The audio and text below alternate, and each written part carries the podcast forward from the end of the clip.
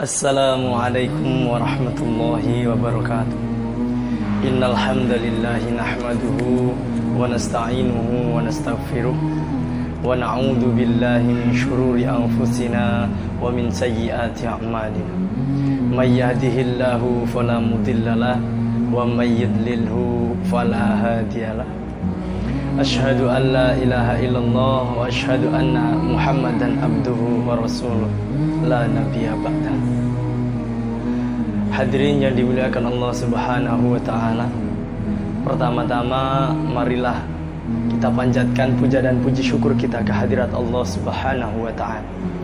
Yang mana Allah telah limpahkan kepada kita semua kenikmatan-kenikmatan yang tanpa sadar telah kita gunakan baik itu nikmat kesehatan, nikmat iman maupun nikmat-nikmat yang lainnya yang tanpa kita sadar. Salawat beriringkan salam selalu senantiasa kita hancurkan ke pundak junjungan kita Nabi besar Muhammad sallallahu alaihi wasallam. Semoga dengan senantiasa kita bersalawat kepada beliau kelak kita diakui sebagai umatnya amin amin ya rabbal alamin. Hadirin yang dimuliakan Allah Subhanahu wa taala berbicara mengenai nuzulul Quran. Nuzulul Quran begitu penting di mata umat Islam.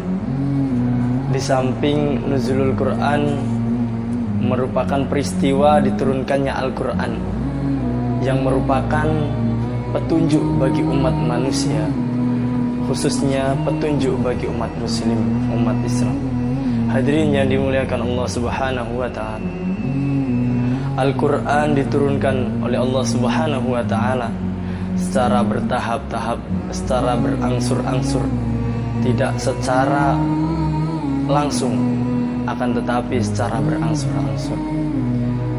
Al-Quran diturunkan oleh Allah Subhanahu wa Ta'ala kepada Nabi Muhammad melalui perantara malaikat Jibril, yakni dijelaskan dalam Al-Quran surah Al-Baqarah yang ayatnya adalah Bismillahirrahmanirrahim Syahrul Ramadan alladhi unzila fihi al-Qur'an hudal linnasi wa bayyinatin minal huda wal furqan Bulan Ramadan adalah bulan turunnya Al-Qur'an sebagai petunjuk bagi umat manusia dan sebagai pembeda antara yang hak dan yang batil.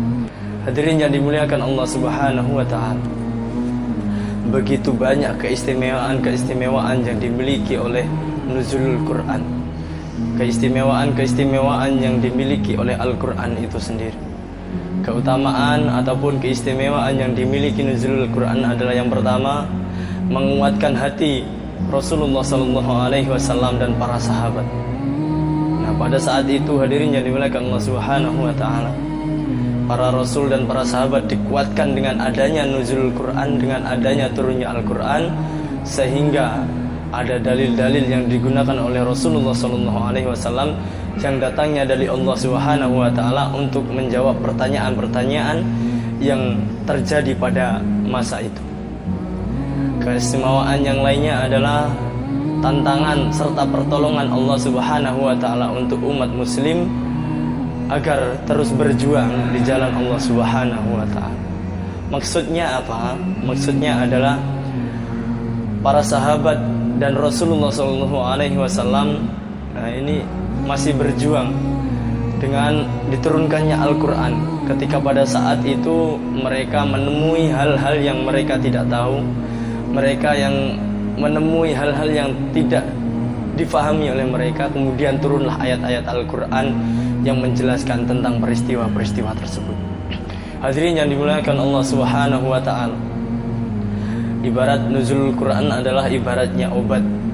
Jadi diturunkan Al-Qur'an diturunkannya Al-Qur'an ke muka bumi ini oleh Allah Subhanahu wa taala ibaratnya adalah sebagai resep. Sebagaimana resep dari dokter yang diberikan oleh dokter kepada kita semua ketika kita sakit bahwasanya ketika kita melaksanakan ketika kita menjalankan apa yang diresepkan oleh dokter, apa yang disarankan oleh dokter, niscaya penyakit-penyakit yang ada dalam diri kita ini akan berkurang. Penyakit yang ada dalam diri kita ini tentunya akan sembuh. Hadirin yang dimuliakan Allah Subhanahu wa taala. Begitu juga dengan yang namanya Al-Qur'an. Al-Qur'an dari dulu hingga sekarang sama saja. Tidak ada yang bisa merubah, tidak ada yang bisa mengotak-atik Al-Qur'an kecuali Allah Subhanahu wa taala. Hadirin yang dimuliakan Allah Subhanahu wa taala. Al-Qur'an merupakan resep yang diberikan oleh Allah Subhanahu wa taala kepada kita semua umat muslim, kepada kita semua umat Islam agar supaya jalan hidup kita, jalan hidup kita ini diatur oleh Al-Quran. Jalan hidup kita ini menurut apa yang diberikan oleh Allah Subhanahu wa taala dalam Al-Qur'an.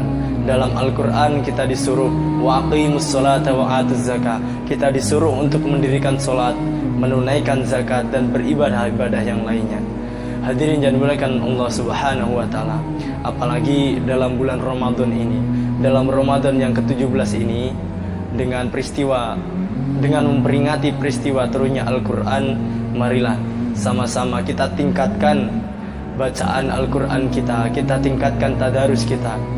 Dengan semata-mata kita hanya mengharapkan ridho Allah Subhanahu wa taala. Karena apa? Karena Al-Qur'an nanti ya, karena Al-Qur'an Iqra'ul Qur'ana fa innahu ya'ti yaumal qiyamah syafi'an ashabi.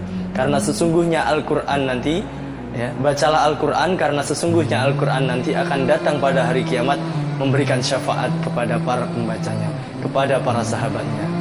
Inilah hadirin jadi dimuliakan Allah Subhanahu wa taala. Jadi yang bisa memberikan syafaat bagi kita nanti di yaumil kiamat ini tidak hanya Rasulullah, tidak hanya Allah Subhanahu wa taala, tapi Al-Qur'an juga bisa memberikan syafaat bagi kita. Jadi oleh karena itu pada bulan Ramadan ini tadarus kita tingkatkan, amalan-amalan ibadah kita tingkatkan, terutama membaca Al-Quran. Hadirin yang dimuliakan Allah Subhanahu wa Ta'ala, mungkin itu sedikit dari saya. Ada salah dan janggal, kami mohon maaf yang sebesar-besarnya. Akhiru kalam billahi taufik wal hidayah wal afu minkum. Assalamualaikum warahmatullahi wabarakatuh.